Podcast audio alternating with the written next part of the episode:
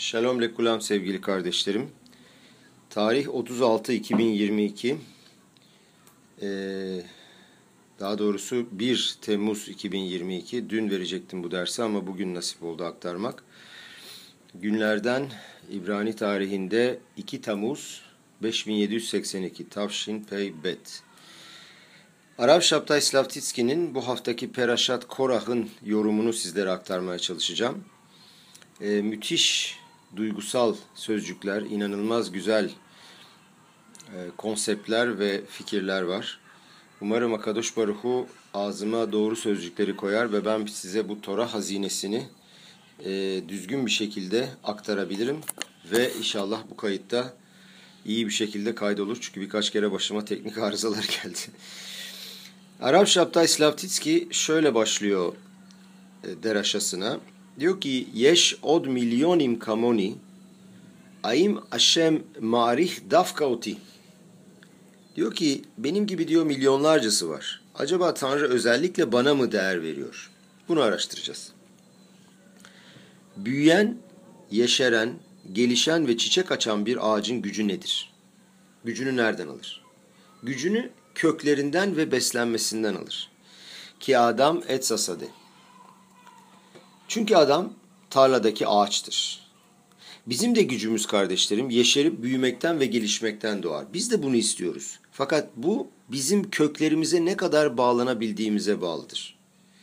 Eğer biz ruhumuzdaki köklere ne, nasıl ne kadar bağlanabilirsek içimizdeki devi ve gücü ortaya o kadar çıkarabiliriz. Ve gerçekten bunu nasıl yapabiliriz? Bunun sırrı nedir?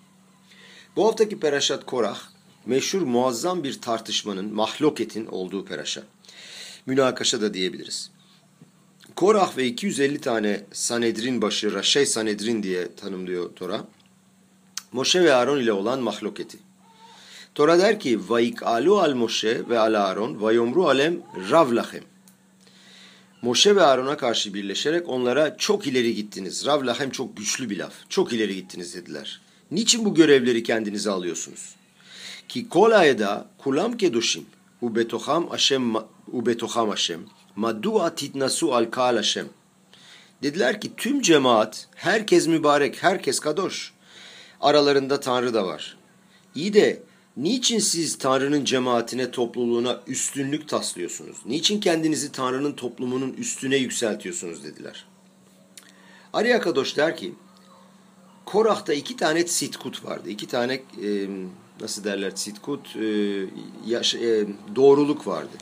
Ve bu sadik katamar yifrah kelimesinin son harfleridir. Yani kuf, reş ve haf. Aslında kendisi sadik bir adamdı. Nitekim bunu David Amelech e, teylibinde bunu belirtiyor. Sadik katamar ifrah.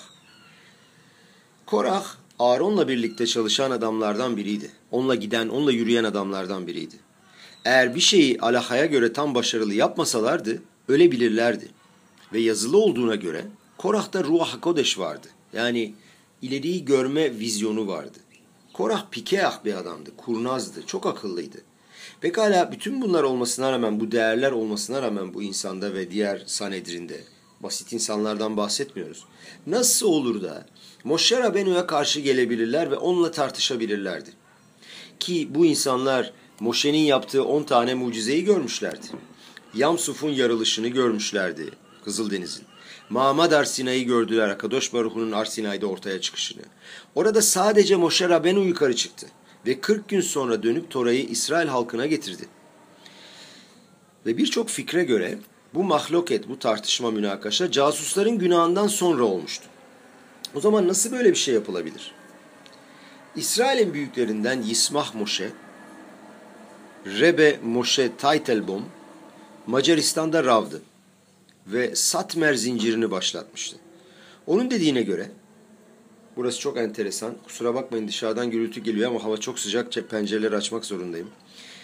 Ee, ne diyorduk? Evet. İsmah Moshe, Reb Moshe Teitelbaum Macaristan'da Rav olan ve Satmer zincirini başlayan şöyle demiş. Bir önceki Gilgul'unda, bir önceki yaşamında Korah'ın mahloket zamanında Bene İsrail'in tam arasında duruyormuş ve yana çekilip durmuş.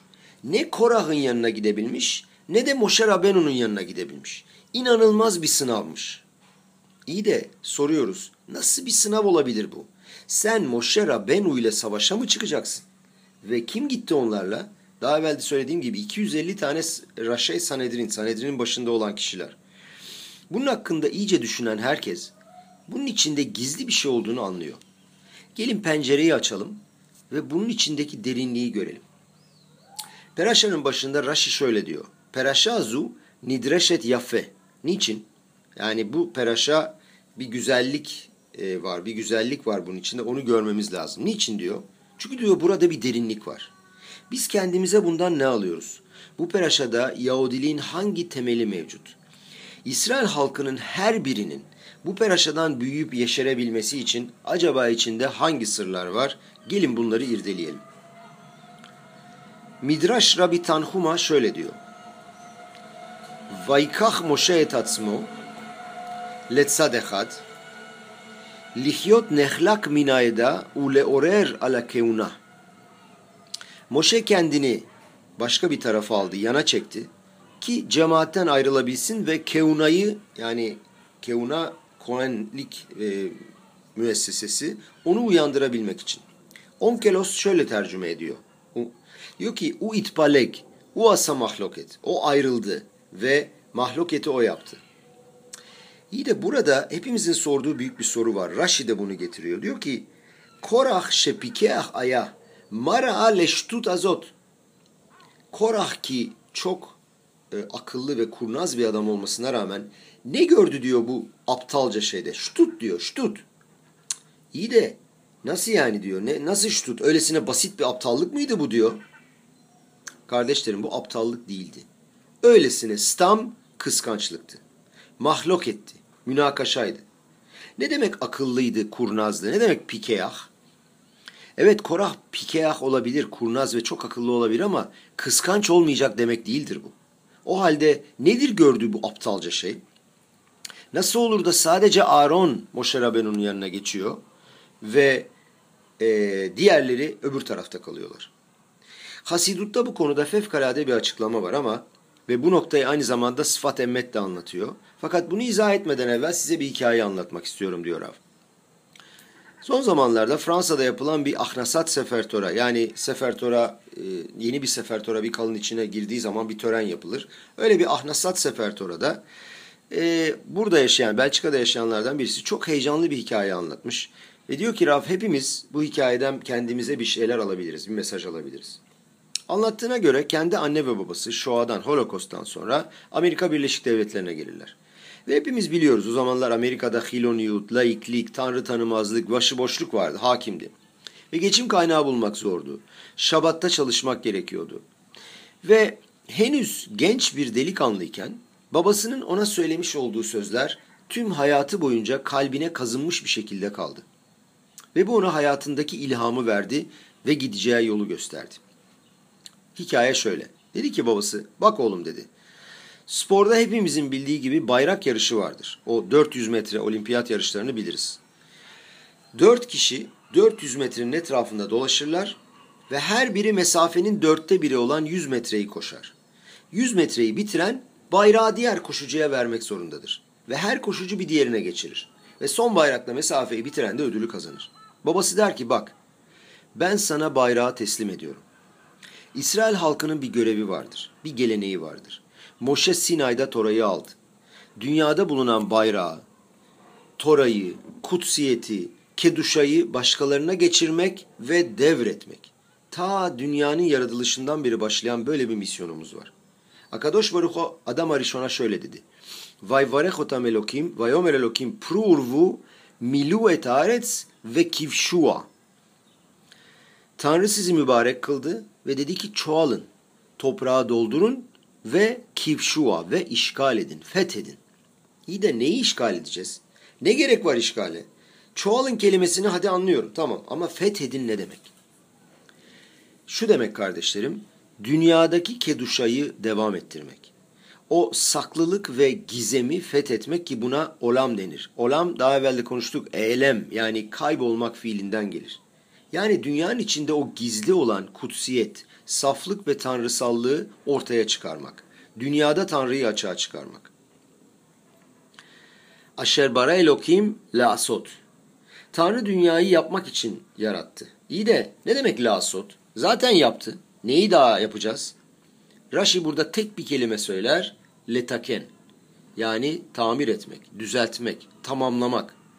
Kardeşlerim Akadosh Baruhu muhteşem bir dünya yarattı ama tam yaratmadı. Bizim onu tamir etmemiz lazım.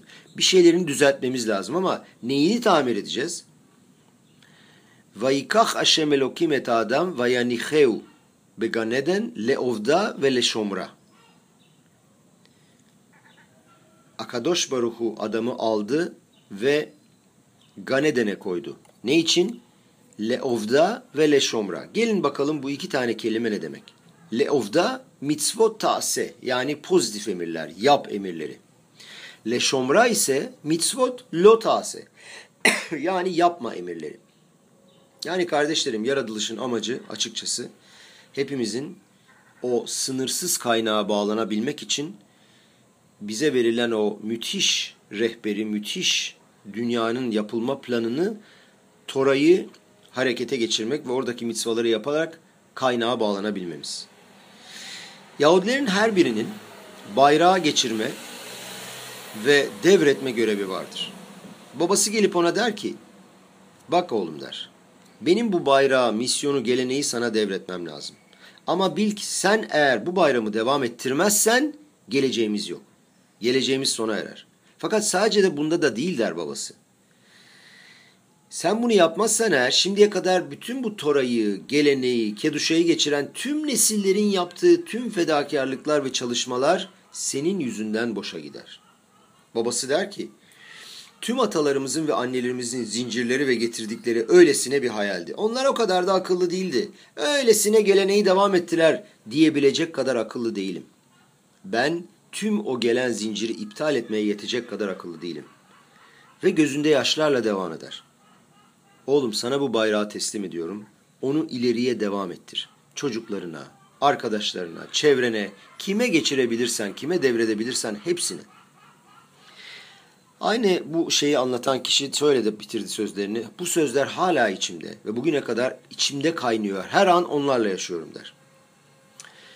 Enteresandır. Her yarışta olduğu gibi bu yarışmada da kanun ve kurallar var. Bu bayrak yarışından bahsediyorum. Herhangi birisi kurallara gerektiği gibi uymazsa oyunun dışında kalır. Gelin görelim bu kanun ve kurallar bize acaba neler söylüyor, bize nasıl bir mesaj veriyor. Birinci kurala bakalım. Yarışta koşan dört kişiden her biri aynı ülkeden olmak zorunda. Bir zincir var, bir şarşeret var. Ve biz Yahudiyiz. Hepimiz aynı zinciri devam ettirmek zorundayız. İkinci kurala gelelim. Bayrağı sadece belirli bir yerde geçirebilirler. Öyle her istedikleri yerde veremezler. Devredebilecekleri belli yerler vardır. Eğer orada vermezlerse sayılmaz. İşte Tora da bu şekildedir. Tora, Tora'nın bir mizgereti var, bir çerçevesi var. Tora'da da mitzvot var, hukim var ve alahot var. Ve eğer çerçeveyi ve kuralları değiştirirsen bu Yahudilerin tüm nesiller boyunca birbirlerine geçirdikleri gelenek artık gelenek olmaz. Yahudilerin uğrunda hayatlarını feda ettikleri Sinay'da verilmiş Tora ve Yahudilik değildir eğer sen bu kuralları ve çerçeveyi değiştirirsen. Burada enteresan bir şey daha var. Eğer yarışçılardan bir tanesi almış olduğu bayrağı düşürürse ne olur? Kaybeder mi? Hayır kaybetmez. Herkesin o bayrağı kaldırma izni vardır. Dolayısıyla geleneğe yani yarışa devam edebilir. Belki zaman kaybetmiş olabilirsin ama yarışı kaybetmezsin. Bu bize çok önemli bir mesaj veriyor kardeşlerim. Eğer biz düşsek bile, eğer şu veya bu kişi düşmüşse bile her zaman kalkıp ileriye devam edebilir. Göklerin kapısı her zaman açıktır. Teşuvanın önünde hiçbir şey duramaz. Her zaman hayatta değişiklik yapabilecek gücümüz vardır. Kendimiz olabilmek. Neysek o olabilmek. Kendi özümüze geri dönebilmek. İşte bu İsrail halkında olan muhteşem gelenektir. Olayın derinliği de budur. Yani Moşe kibel Torah Sinay, Masra Yeşua, Yeşua lezkenim. Yani Moşe Tora'yı Sinay'da aldı ve Yeşua'ya teslim etti. O da bilgelere, ihtiyarlara teslim etti ve gelenek bu şekilde devam etti. Bunun derinliği budur. Şöyle bir spor anlatıyor Rav. Manchester'da büyük bir Rav olan Rav Hazan'dan duymuş olduğum bir hikaye diyor bu. Amerika Birleşik Devletleri'nde evlenmiş bir çift vardı. Çocukları olamıyordu. Aşem Bişmor, Tanrı korusun. Birçok tedaviden geçmelerine rağmen yürümemişti. Ve en sonunda kadın belli bir tedaviden geçti ve hamile kaldı. Müthiş bir sevinç evde. Acayip. Belli bir zaman sonra doktor kontrolüne giderler. Ve doktor kontrolden sonra der ki çok üzgünüm ama der bebek olması gereken yerde değil. Birkaç hafta daha bekleyelim ve neticeye bakalım der. Ve bir daha kontrole gittiklerinde doktor der ki maalesef der durum iyi değil bebeği almamız gerekiyor. Yoksa hayat tehlikeniz var. Eğer bebeği almazsak anneyi riske atabiliriz. Eve dönerler. Kocası der ki bunu der kesinlikle yapmamız lazım çünkü senin hayatın benim için çok daha önemli. Anne tahmin edebileceğiniz gibi hayır der. Ben bunu o kadar yatırım yaptım, o kadar uğraştım, çalıştım, çabaladım, bundan vazgeçemem. Ben devam edeceğim der. Hamileliğe devam ederler. Çocuk gayet sağlıklı bir şekilde doğar fakat anne maalesef bu dünyadan ayrılır. Ve baba hiçbir zaman annesinin nasıl öldüğünü çocuğa anlatmaz. Çocuk der ki bir buçuk çocuğa der ki bir buçuk yaşındayken anne hastalandı ve öldü diye aktarır çocuğuna. Çünkü çocuğun Tanrı korusun suçluluk duygusu hissetmesini istemez. Çocuk benim doğ beni doğurmak için annem bu dünyadan ayrıldı diyebilirdi. Buna sebep olmak istemedi. Yıllar geçti. Çocuk okula ve üniversiteye gitti. Bir gün eve geldi babasına müjdeyi verdi. Babacım ben eşimi buldum. Baba kim olduğunu sorar. Çocuk kızın ismini söyler. Ve baba kızın isminden Yahudi olmadığını fark eder. Kız bizden mi diye sorar. Hayır baba. Ne demek istiyorsun? Ya baba gerçekten ben seni anlamıyorum. Biz herhangi bir şey mi yapıyoruz Yahudilikle alakalı? Biz Şabat'ı koruyor muyuz? Biz Pesah'ı koruyor muyuz? Bazen bir habadnik getiriyor bir parça matsa yiyoruz. Hepsi bu kadar. Roşana ve Kipur'da sen bazen seyahate gidiyorsun. Burada bile değilsin. Her zaman biz eşitiz diyorsun. Nedir diyor şimdi burada kafama kafamı ütülüyorsun diyor. E, şöyle mi böyle mi diye. Evet diyor hepimiz eşitiz diyor babası ama iş evlenmeye gelince Yahudi olmayan bir kızla evlenirsen bu zinciri koparmak demektir. Bu olamaz. Ya baba bırak Allah aşkına der, rahat bırak beni der. Beni böyle şeylerle uğraştırma. Maalesef çare yoktur. Düğün günü çatar gelir. Baba oğul arabaya binerler ve düğünün olacağı salona doğru yola çıkarlar. Baba der ki gel istersen bir annenin mezarına gidelim düğüne gitmeden evvel. Düğünden evvel bir gelenek varmış ben de bilmiyordum. Düğünden evvel e, annelerin mezarı, ya ölenlerin mezarına gitmek gelenek haline getirmiş. Birçok aile varmış ve hatta mezarın kenarına bir düğün davetiyesi bile koyarlarmış. Oğul kabul eder, çok sevinir ve tamam der annenin mezarına gidelim. Baba heyecanlanır ve oğluna der ki Bak oğlum ilk defa sana annenin gerçekten nasıl öldüğünü anlatmak istiyorum. Göz yaşlarına boğulmuştur. Sonunda baba oğula der ki sana bir şey söylemek istiyorum der. Annenin bir rüyası vardı. Annenin büyük bir hayali vardı. Senin eşinin Yahudi olmasını isterdi. Kız ve erkek torunlarının ve onların çocuklarının da Yahudi olmasını isterdi. Bu annesin, annenin rüyasıydı.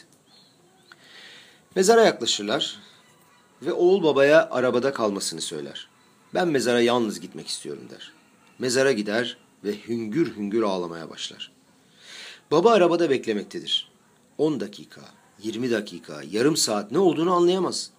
Sonunda arabadan çıkar, sessizce yaklaşır ve oğlunu görür. Oğlunun elleri mezar taşının üstündedir. Ayakta durmakta ve gözlerinden yaş dökülmektedir ve annesiyle konuşmaktadır. Sessizce yanına yaklaşır ve şunları duyar. Anne, sana söz veriyorum hayalin boşa gitmeyecek. Çocukların, torunların ve torunlarının torunları Yahudi olacak. Baba sessizce arabaya geri döner. 10 dakika sonra oğul da arabaya geri döner. Telefonu açar. Birkaç dakika sonra evlenmesi gereken kızı arar ve der ki seni çok seviyorum. Sana her türlü tazminatı ödemeyi ve salon parasını ödemeye, düğün masraflarını karşılamaya hazırım. Fakat çok üzgünüm ama seninle evlenemem. Zinciri devam ettirmem gerekir. Meşaleyi geçirmeye devam etmek zorundayım. Bayrağı benden sonrakine devretmek zorundayım. Peki kardeşlerim böyle bir zelzele yapabilmesi için gücü nereden buldu bu çocuk? Kökler. Birdenbire köklerini hissetti. Nereden besleniyorum? Gücümü nereden alıyorum? Bende ne var? Ben gerçekten kimim? İşte bu ona güç verdi ve bunun sonucunda açıldı. Bu bilinç yüzünden olayı kavradı. Ben gerçekten kimim? İşte kardeşlerim Korah'ın hatası böyle burada başlıyor. Korah herkesin Tanrı'nın suretinde yaratıldığını biliyordu yani. Herkesin helek elo, elokami ma'al mamaş olduğunu biliyordu. Herkesin mübarek olduğunu, kadoş olduğunu biliyordu. Ne dedi? Kolayda kulam kedoşim. Fakat o herkesin değişik bir misyonu olduğunu düşündü. Herkesin değişik bir yarışı var dedi. Herkesin meşaleyi geçirmesi gerekmiyor. Kardeşlik ve birliktelik yok. Herkesin kendi yolu var. Böyle zannetti. Ve yazılı olduğuna göre kolehat olan male. Yani herkes kendi içinde tam bir dünyadır. Her Yahudi kendi içinde şaması kendi içinde bir dünyadır. Matsil nefeşe hadmi İsrail, keilu matsil olan male. İsrail'den bir kişi kurtardığın zaman sanki tüm dünyayı kurtarmış gibi olursun. Herkesin değişik düşünceleri, duyguları, sınavları, tecrübeleri, karakter özellikleri ve challenge'ları vardır. Meydan okumaları vardır. Fakat başka yaşamları vardır. Başka aileleri, ebeveynleri, anne babaları, kardeşleri, okulları, öğretmenleri her şey farklıdır. Fakat o her birinin kendine ait bir gerçekliği olduğunu hissetti. Birçok kusurumuz olduğu gibi şu anda da bu şekilde düşünen birçok insan var kardeşlerim maalesef. O kadar ki Pirkei Avot'ta bir mişne var. Çok meşhur. Şöyle diyor. Omer şeli şeli ve şelha şelha yeş omrim şezo midat zdom. Yani diyor ki benimki benimdir, seninki de senindir. Hani birbirimize fazla karışmayalım diyen bir kişi için Zdom'un, o gaddar Zdom'un karakter özelliğidir diyenler var. İşte tam burada Korah ile Moshe Rabenu arasındaki münakaşa başlıyor. Moshe Rabenu şöyle diyor. Evet diyor herkesin Tanrı'nın suretinde yaratıldığı doğru. Fakat hepimizin bir görevi var, bir şlihutumuz var, bir misyonumuz var. Midraş'ta yazar. Tora'daki ilk cümlelerde yazılı olduğu gibi ve ruah elokim merahefet alpney amayim. Ve Tanrı'nın ruhu suyun üzerinde süzülüyor. Midraş der ki bu ruh Melek Amaşiyah'ın ruhudur. Eğer kişi Maşiyah'ın gelişini hızlandırmışsa, buna layık olmuşsa ona derler ki kadamta le malahe aşaret. Meleklerin gelişini hızlandırdın. Fakat eğer layık olmamışsa ve fırsatı kaçırmışsa derler ki zuv kadma, yituş kadma, şilşul kadma, sinek, sivrisinek hızlandırdı. Yani cık, harcadın, boşa harcadın, yazık ettin bu hayatını der. Kardeşlerim yaratılışın amacı bu dünyada tanrısallığı açığa çıkarmaktır. Daha önce de birkaç kere dile getirdiğimiz gibi nitave kadosh baruhu liyotlo dira batahtonim. Tanrı'nın bu dünyada bir oturacak, barınacak bir dairesi, bir yeri, bir makomu olsun. Onun bu dünyadaki mevcudiyeti hissedilsin. Bu dünyanın, bu dairenin ona ait olduğu hissedilsin. Kendini yabancı hissetmesin. Herkes görsün ki Bayomau Yehaşem Ehad, Uşmo Ehad. O gün geldiğinde, o meşhur gün geldiğinde kendisi ve ismi bir olsun. Biliyorsunuz bir dairede, binada olduğu gibi birçok detay var. Temeller var. Birinci, ikinci, üçüncü, dördüncü kat var. Her bir dairede yatak odası, çocukların odası, mutfak, salon, elektrik, su birçok detay var. Kadosh Baruhu diyor ki bu dairede diyor herkesin bu dairenin içinde bir parçası olması lazım. Ve her seri, her parçanın da birbirini tamamlaması lazım. O bahsettiğimiz ruh elokim dediğimiz Tanrı'nın ruhu aslında her birimizin üstünde süzülüyor. Ve bilmen gerek ki sen fevkalade bir bulmacanın, bir puzzle'ın bir parçasısın.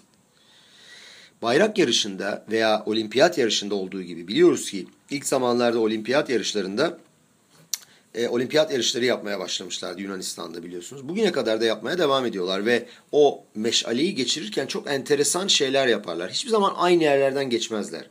Aynı koşullar ve challenge'lar, meydan okumalar geçerli değildir. Bazen meşaleyi büyük kaplarda getirirlermiş. Bazen atlar ve develerle, bazen uçaklarla, bazen uydudan yollanan lazer ışınlarıyla, bazen suyun altından gelen denizaltılarla ve hep yeni yollar, değişik şeyler arıyorlar. Fakat burada bir derinlik var kardeşlerim. Ben buradan ne öğreniyorum? Herkesin kendi dünyası var. Ama meşaleyi geçirmek zorundasın. Fakat senin meşalen değişik sınavlardan ve challenge'lardan geçiyor. Değişik yollardan, dünyalardan, duygulardan ve düşüncelerden geçiyor. Kol ehad olan male lafının derinliği işte budur. Yani herkes e, tam bir dünyadır lafının derinliği budur. Her Yahudinin bilmesi lazım ki bu dünyada senin gibi bir insan yok. Ne parmak izinde, ne görüntüde, ne duygularda, ne düşüncelerde senin gibi bir adam yok. Daha önce de yoktu, bundan sonra da olmayacak. Sen özelsin. Ve her birimiz özeliz. Ve her birimiz bulmacanın bir parçası gibiyiz. Bulmacada çok güzel bir kısım vardır. Böyle tam olarak görürüm. Süper bir kısım. Fakat aynı zamanda kesilmiş bir parça da vardır. Bir şey eksiktir. Eksik bir kısım. Ben bu kısmı nasıl tamamlarım? Sadece diğer bir kişi sayesinde. Sadece diğerinin beni birlikte tamamlaması sayesinde. İşte o zaman diğerini tamamlayabilirim. Bakın enteresan bir şey görelim. Şalem yani şin, lamet mem kelimesinin birkaç tane açıklaması var. Bir tanesi le aşlim ehadaşeni yani birbirini tamamlamak. Her biri bir başkasını tamamlıyor. Bir tanesi yine le aşlim fakat sözlüğe baktım enteresan kabullenmek bilmiyordum bunu. Kabullenmek, razı olmak demek. Çünkü diğeri benim gibi değil. Ben başka türlü düşünüp hissediyorum. O başka türlü ama o başkasının düşündüğünü kabul etmek lazım. En azından saygı göstermek lazım. Bir de muşlam var. Mükemmel. Eğer tamamlayarak mükemmele ulaşacağımı biliyorsam, başkalarına vermeyi ve başkasından almayı kabul etmeye razı olmam lazım. Benim ben karşımdakinin aynısı olmadığım için onu tamamlamam lazım. İşte kardeşlik, teklik, birlik, mükemmellik olgusu budur kardeşlerim. Herkes birbirini tamamlar. Ford gibi, Ford markası zamanında arabalarının imalatını başladığı zaman arabaları üretmek için özellikle bir bant usulü çalışma patenti aldı. Assembly line. İbrancesini söyledi anlayamadım fakat İngilizcesi zannediyorum assembly line. Bant usulü. Her bant bir parçayı yaptı. Bu bize nasıl bir mesaj veriyor? Ne demek oluyor? Birincisi üretim çok daha hızlı oluyor. Fakat burada başka bir derinlik daha var. Herkes eğer o kendi parçasını koymazsa olayın tam olamayacağını hisseder. Yani o bantların her biri arabanın tüm parçalarını tamamlamazsa araba arabalıktan çıkar. E işlemez yürümez. İsrail halkı olarak da hepimiz tam bir parçayız kardeşlerim. Şlemut ehad. Ve her birimizin birbirini tamamlayacak bir parçası vardır. Her birimiz birer çalışma bandıyız ve her birimiz birbirinin ardından geçiyor ve birbirini tamamlıyor. Gelin Gur Rebbesi Sıfat Emet'in yazdığı birkaç kelimeye bakalım. Midraş'ta şöyle yazar. Hayav adam lomar matay yagiu masay lemase abotay. Avraham, Yitzhak ve Yakov. Benim yaptıklarım ne zaman atalarımın, Avraham, Yitzhak ve Yakov'un yaptıklarına ulaşacak? Herkesin kardeşlerim, atalarının yapmış olduğu eylemler için birbiriyle bağlantı içinde olması ve birbirine yapışması gerekir. Dvekut gerekir. Korah'taki leke ve sıkıntı işte buydu. O diyordu ki herkesin kadoş, herkes kadoş. Öyle düşünüyordu. Bu doğru. Fakat herkesin özel olarak sahip olduğu keduşanın üstünde bakın buraları çok derin ve çok ince inşallah iyi bir şekilde aktarabilirim size. Ne olur beni çok iyi dinleyin.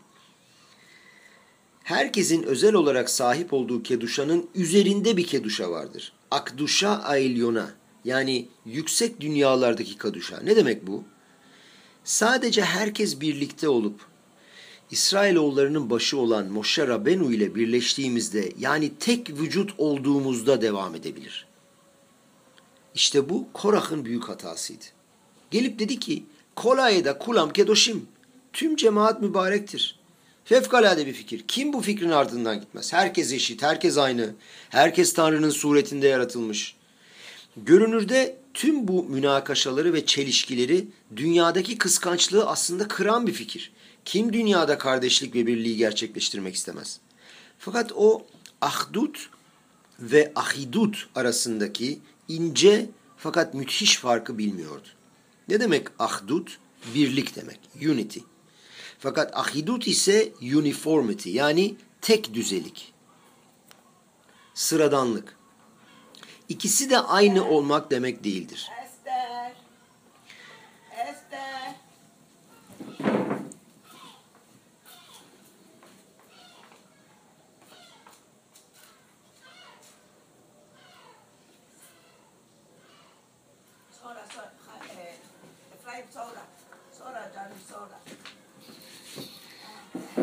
Affedersiniz.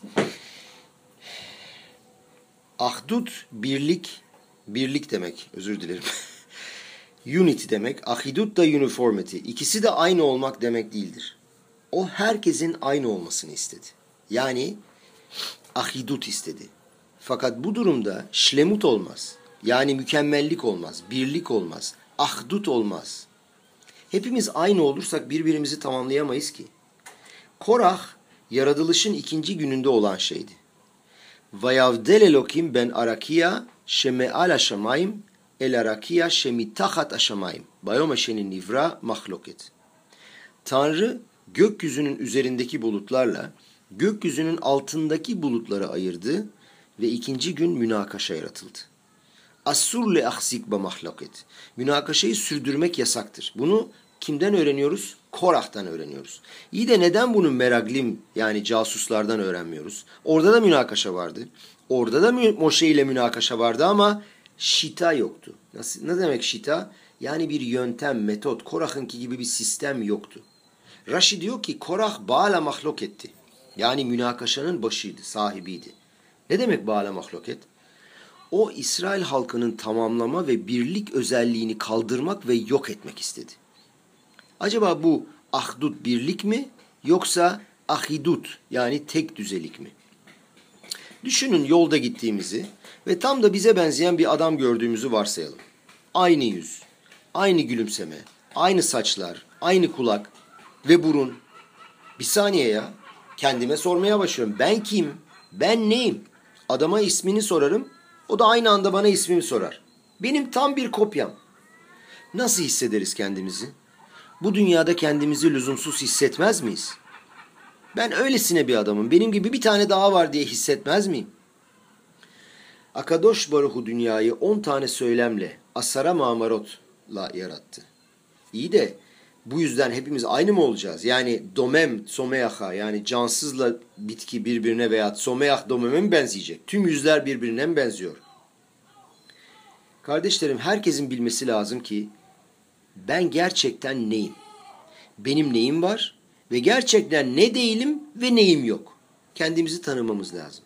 Bunu öğrenmem, kabul etmem lazım ki bir diğeri beni tamamlayabilsin. Özellikle mükem e, özellikle birlik mükemmelliğe, tamlığa getirir insanı. Herkesin özel bir değeri vardır ve herkes birbirini tamamlar. Gelin ve damat eğer aynı olurlarsa o zaman gelin ve damat olurlar mı? Babaya sorsanız birçok evladım var hangisinden Tanrı korusun vazgeçersin? Veya başa baş olmayı durdur kol ol veya kola baş olacaksın diyebilir misin? Yok böyle bir şey. Ahdut'ta özellikle Ein Sof yani sonsuzluk ortaya çıkar kardeşlerim. Ta Akadosh Baruch'un sınırsızlığı. Akadosh Baruch haricinde hiçbir şey yoktur. O hem değişimlerde hem de dünyada olan farklılıklarda bulunur. Ve bunların hiçbiri Ahdut'ta açığa çıkan o Tanrı'nın sonsuzluğunun ve sınırsızlığının üzerine çıkamazlar. Değişiklikler ve detaylar bu birliğin içine ve birbirlerine dahildirler ve hepsi birbiri içinde erir herkes başkasıyla entegre olur ve ona dahil olur.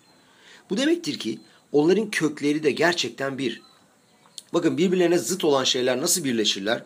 Bu hepsinin içinde Akadosh Baruhu'nun olduğuna işarettir. Bu bizim tanrısal ruhumuzdan geliyor. Yani ondan alınmış bir parça hepimizde var. Bu dahil olma fiilinde Akadosh Baruhu'nun tekliği, ahdutu, sonsuzluğu açığa çıkabiliyor. O kadar ki birbirine zıt ve aykırı şeyleri dahi birleştirebiliyor. Gelin basit bir örnek alalım. Ben bundan de, de, demin söylediğimden şunu anlıyorum. Parçaların hepsi tek parça halinde e, bir değeri var. Fakat parçaları birleştirdiğin zaman ortaya çıkan o e, eser işte o mükemmel. Bunu öne çıkaran bir örnek alalım. Bir melodiyi ele alalım diyor Rav, e, Rav Şaptay. Do, re, mi, fa, sol bir sürü nota var ve bir sürü de çalgı aleti var birçok çalgıcıdan oluşan muazzam orkestralar var. Ve onların hepsi birbirine zıttırlar. Melodinin özelliği özellikle her çalgının ve melodinin her çalgının melodinin içinde kendini iptal etmesiyle ortaya çıkıyor. Tüm notalar do, re, mi, fa, sol melodinin içinde kayboluyorlar ve iptal ediyorlar kendilerini. Melodiyi işittiğinde kaç tane do veya kaç tane si olduğunu duyamazsın, anlayamazsın. Piyanonun ne kadar çaldığını duyamazsın melodiyi duyarsın. Her bir notanın kendi içinde güzelliği bir değeri yoktur. Birliktelik heyecan verici ve mutluluk veren bir melodiye dönüştürür. Melodide çünkü hiç kimse kendi egosunu düşünmez. ne kadar başkalarına katabilirim diye düşünür. Eğer insan onu ne kadar işittiklerini hissederse zaten o zaman melodi olmaz.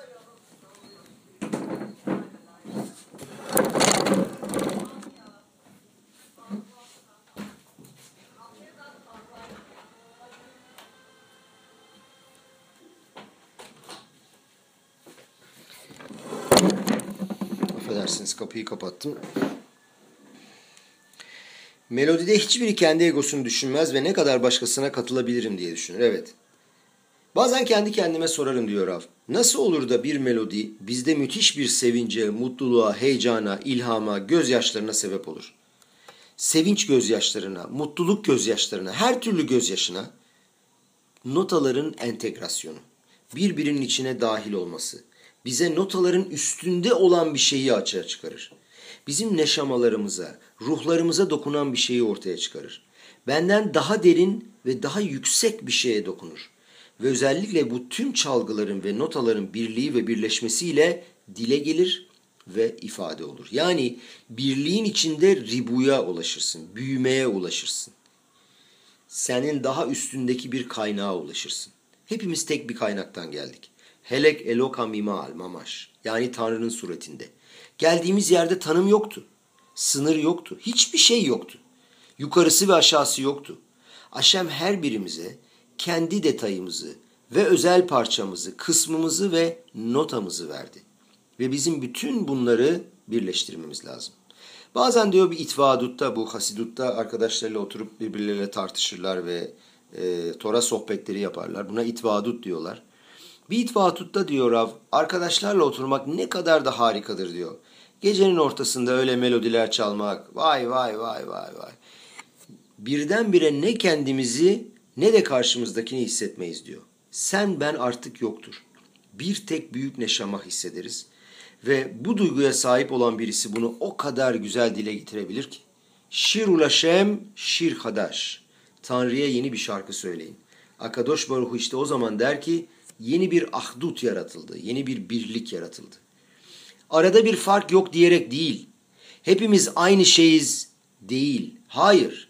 Ne ben var ne sen. Hepimiz tek bir birlikten geldik. Ve bizim bu birliği yeryüzünde, bu dünyada ortaya çıkarmamız lazım. İşte bu İsrail halkındaki fevkalade bir gelenektir. Yıllar evvel buraya Amerika Birleşik Devletleri'nden Velver Green adında çok büyük bir profesör davet ettik diyor. NASA'da çalışmış. Hakkında fevkalade hikayeler var. Ay'a gönderilen uzay araçlarından sorumluymuş. 40 yaşındayken ilk olarak tefilin takmış ve Torah ve mitvalara yaklaşmaya başlamış. Çok değerli bir hasid olmuş. Ve onu konferans vermek üzere iki kere şehre davet ettik diyor Rav. Ve dinleyenlerin ağzı açık kaldı. Onu okula davet ettik ve o zamanlar çocukların çoğu Torah ve mitvaları korumuyorlardı. Ve ben onlara nasıl konuşacağını ona izah etmeye başladım ki bana şöyle dedi. Hiç merak etme. Ben onlara bilim hakkında konuşacağım. Konferans bir, bir buçuk saate yakın sürdü ve çocuklar ağzı açık dinlediler ve daha fazlasını istediler. Anlattığı hikaye şöyleydi aşağı yukarı. Bir keresinde NASA'da oturuyorlar ve e, Ay'a nasıl ulaşacaklarını planlıyorlarmış. Başka gezegenlere nasıl ulaşacaklarını.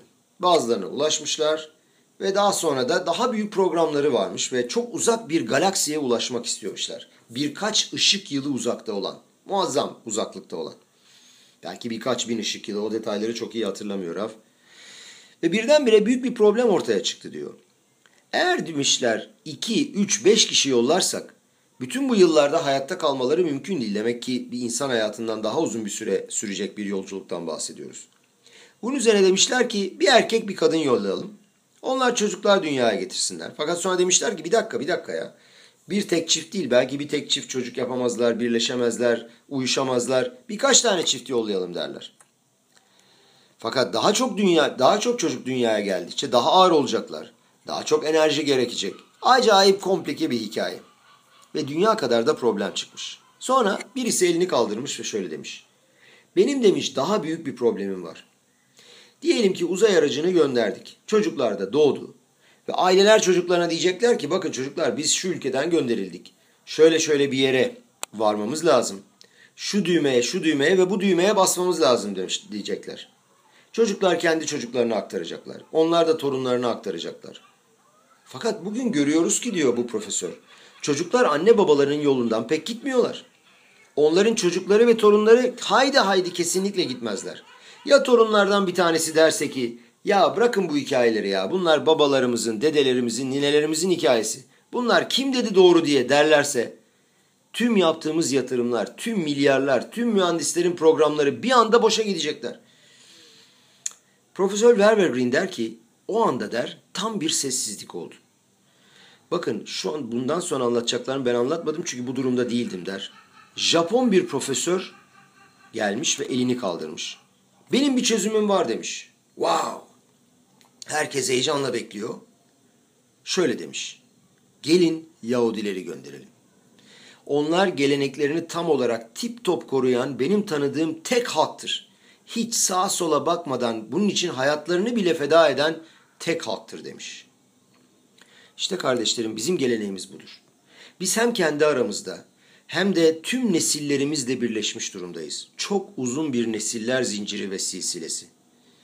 Biraz daha derine inecek olursak Habat Torası'nda bunu biraz şöyle inceleyebiliriz. Biliyoruz ki Tanrı sınırsızdır. Fakat sınırsız kelimesi, en sof kelimesi de belirli bir tanımdır ya. Bir tanım diyorsunuz, sınırsız diyorsunuz, bir tanım koyuyorsunuz. Halbuki Tanrı için sınırı yoktur dediğim zaman bunu bir tanım koymak için yapmıyorum. Çünkü onu izah edebilmek için bir tanım yok. O yüzden Akadosh Baruhu diye çağırıyorum. Haham Baruhu veya Hazam Baruhu değil, Akadosh Baruhu. Bilmiyoruz ne olduğunu. Bunu tanımlayabilmek için hiçbir yöntemimiz de yok. Ne ahdut birlik ne de ribuy, çoğalma yoluyla o tanımlanamaz. O değişimin üstünde yükselir. O hem birliğin hem de değişikliğin üstünde yükselir. Dolayısıyla özellikle birliğin, ahdutun bir araya gelmesiyle ve çoğalmanın, ribuyun her ikisinin üstüne yükselmesi yoluyla işte o zaman Akadosh Baruhu'nun esas özüne yaklaşabiliriz. Ne sınırlı ne sınırsız sözleriyle o tanımlanamaz. Rashi'yi dinlemek ne kadar da heyecan vericidir kardeşlerim. Rashi hepimizin tanıdığı Şma İsrail Aşem Elokenu Aşem Ehad sözcüğünü, pasuğunu şöyle açıklıyor. Biz söylediğimizde ne diyoruz? Aşem Elokenu Aşem Ehad. O Tanrımızdır ve o tektir. O diyor ki hayır diyor. Bu böyle değil diyor. Bu iki ayrı aşama, aşamadır diyor. Aşem Elokenu yani şimdi Tanrımız olan o yıldız tanrılarına tapanların tanrısı değil. O tek tanrı yani bizim tanrımızdır diyor. Ve gelecekte ise diyor tek aşem olacaktır. Yani onun ortaya çıkışı gelecekte tüm dünyaya yayılacaktır. Şu anda bizim tanrımız olan Haşem gelecekte tüm insanlığın tanrısı olacaktır. Bu demek oluyor ki diğer halklara çok açık ve seçik bir lisan olarak belirlenecektir. Yani herkes onu Aşem ismiyle çağıracaktır. Bütün dünyadan bahsediyoruz. Ve nemar bayomavu ye Aşem ehad uşmo ehad. Bu herkesin kendi tekliği ve özelliği içinde ulaşacak olan büyük birliktir. İşte bu Akadosh Baruhu'nun ortaya çıkışıdır. Eğer kardeşlerim biz kendimizi aşıp dışarı çıkarsak ve bu mesajı ve bu tanımlamanın sebep olduğu birliği, ahdutu ne kadar çok anlayabilirsek işte o kadar sınırlarımızın dışına çıkabiliriz. İçinde bulunduğumuz o kutudan dışarı çıkabiliriz. Ve bu vesileyle köklerimize, o muhteşem gücümüze çok daha fazla yaklaşabiliriz. Çünkü o muhteşem güçlerimiz bize bu kuvveti veriyor. Ama ne zaman bu köklerimize ve bu gücümüze oluşabiliriz? Sınırlarımızdan çıktığımız zaman. Egomdan dışarı çıkabildiğim zaman. Ayrılıkların ve sınırlamaların üstünde olan şaya Haşem lemelech al kol aretz. Bayomu ye Haşem ehad uşmo ehad. Tanrı bütün toprakların ve bütün milletlerin kralı olacak ve işte o gün Aşem Ehad ve Uşmo Ehad kendi ismi tek ve e, kendisi tek ve ismi tek olacak. İşte biz bu olaydan biraz alabildiğimiz zaman işte o zaman bu muazzam güce bağlanabiliriz. Kadosh Baruch hepimize bu gücü versin. Çünkü birçok insan tanıyoruz. Özellikle çok zayıf oldukları zamanlarda. Viktor Frankl Shoah'yı geçirenlerden biriydi. Ve o şöyle yazar. Çok güçlü ve sağlıklı insanlar gördüm. Fakat onlar hayatta kalmayı başaramadılar. Buna karşılık çok zayıf insanlar başardılar hayatta kalmayı. Kimdi onlar? Başkalarını düşünenler. Onları merak edenler. kendi küçücük parça ekmeklerini başkalarıyla paylaşanlar. Yanındaki insanlarla bir saat, bazen bir buçuk saat oturup onların dertlerini dinleyenler. Onların ağlamalarını dinleyenler, onların dedeleri ve nineleriyle ilgili hikayeleri daha önce onlarca kez dinlemelerine rağmen bir kez daha dinleyip onların üzüntülerine ortak olup paylaşabilenler, işte onlar bunu hissettiler. Onlar birbirlerini hissettiler ve bundan güç alarak hayatta kaldılar. Onlar sadece maddi olarak hayatta kalmadılar kardeşlerim. Aynı zamanda ruhani dünyada da yaşadılar. Manevi olarak da yaşadılar. İşte onlar kendi muazzam güçlerine erişebildiler. Köklerine ulaştılar. Kadosh Baruch hepimize bu güçleri versin ve kendimizden, kendi içimizden nasıl büyüyebileceğimizi ve o içimizdeki devi nasıl serbest bırakabileceğimizi bilelim ve pek yakında Maşiyah'ın gelişine nail olalım. Ve niske bekarov mamaş lebiyat Maşiyah amen ve chen